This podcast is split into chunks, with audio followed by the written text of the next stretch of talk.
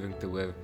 En ehm um, ja, ek is nog steeds iets opgewonde dat ons besig is om om te leef en en die volheid van God en die volheid van Christus in ons lewens te ervaar en en ons identiteit in hom te begin ontwikkel dat ons werklik begin groei in in in wie God en wie Christus is. En um, ons gesels vandag in ons en ons het al 'n paar goed gedoen oor oor ons destiny en maar die vraag bly nog steeds maar hoekom is ons geskape?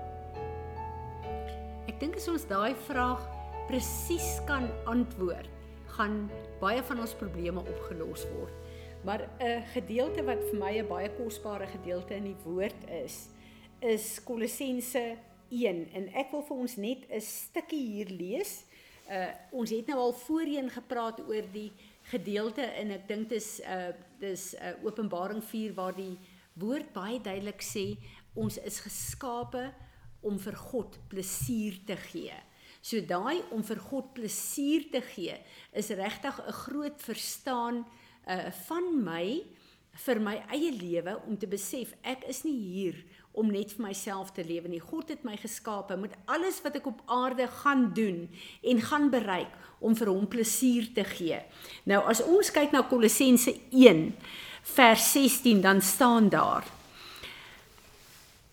For by him this God all things were created in heaven and on earth things visible invisible whether thrones or dominions or rulers or authorities. All things were created and exist through him. That is by his activity and for him. And he himself existed and is before all things, and in him all things hold together. He is the controlling, the cohesive force of the universe. He is also the head, the life source, the leader of the body, the church, and he is the beginning. Dis baie interessant as ons kyk na hierdie skrif en veral as ons dit lees in die verskillende vertalings, dan sien ons dat God het elke persoon en alles wat lewe, het hy uit homself uitgehaal. God is die bron van alles. So hy het ons uit uh, ons uit hom uitgehaal. Hy het ons geskape en dis baie interessant om te sien dat die Here sê in Psalm 139, hy het 'n gedagte oor ons gehad. En toe het hy ons bloudruk geskryf, ons uit hom uitgehaal, ons aarde toe gestuur. Hy het hom geskape vanuit hom, maar dan sê hierdie woord baie duidelik terug vir hom. So as ek en jy kyk Piet, dan is ek en jy uit hom uitgehaal. En ons is op aarde geplaas. Maar ons is hier geplaas met wat ons hier gaan doen, al ons keuses en ons goed, moet ons weer terug na hom toe verbind. En dit is eintlik 'n sirkel. So as ons kyk na God wat die bron van alles is, hy is 'n uh, eh, totaal volledig in homself Uit hierdie volledigheid is ek en jy uitgehaal. Ons is op die aarde geplaas, maar ons moet ook weer net soos wat God, Vader, Seun en Heilige Gees 'n sirkel is, moet ek en jy vanuit hom hier op ons aarde ervaring weer terug met hom konnekteer, dat ons vanuit hom ons aardse lewe weer terug na hom toe ook 'n sirkel vorm, sodat God letterlik vanuit ewigheid die aarde kan infiltreer deur my en jou in ons lewenservaring hier. Maar wat nou gebeur is ek en jy kom hier op aarde en die woord sê ons is in sonde ontvang en gebore. Hoekom sê die woord dit? As gevolg van die sondeval en die woord sê dat die uh, Adam en Eva wat die aarde en die heerskappy van die aarde vir die vyand gegee het, Die woord sê Paulus sê vir ons hy is die prins van hierdie wêreld. So die wêreld uh, eh, stelsel behoort aan die vyand omdat uh, Adam en Eva dit vir vir hom gegee het. Nou kom ek en jy hier op aarde. Ek en jy het 'n keuse met alles wat ons doen. Gaan ons onder die stelsel van die vyand bly Die oomblik as ons onder die stelsel en die leuns van die vyand bly, het hy 'n wettige reg om ons te vernietig, om disaster in ons lewe in te bring, om allerlei uh, onheile in ons lewe te te uh, bring en ons dan ook op te rig as ons ja sê as instrumente om sy koninkryk te bevorder. Maar ek en jy het 'n keuse of ons gaan onder hierdie wêreldstelsel kom en dat die vyand ons kan gebruik of ons gaan kies om God te kies en terug na hom toe weer aan hom te verbind. Nou as ek en jy Jesus aangeneem het, dit wil sê as ons daai keuse gemaak het op aarde om weer terug te verbind aan God, want Jesus het gekom om my en jou terug te verbind aan God. Ons is weer terug na ons Vader huis toe. Die kruis van Golgotha is letterlik die deur terug na ons Vader huis toe.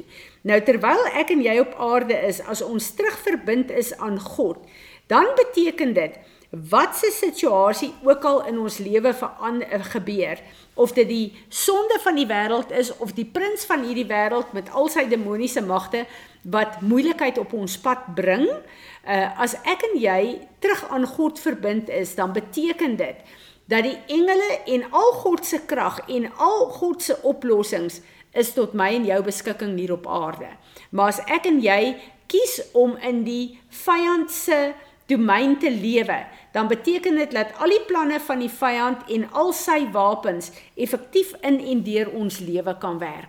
So ek en jy het 'n keuse.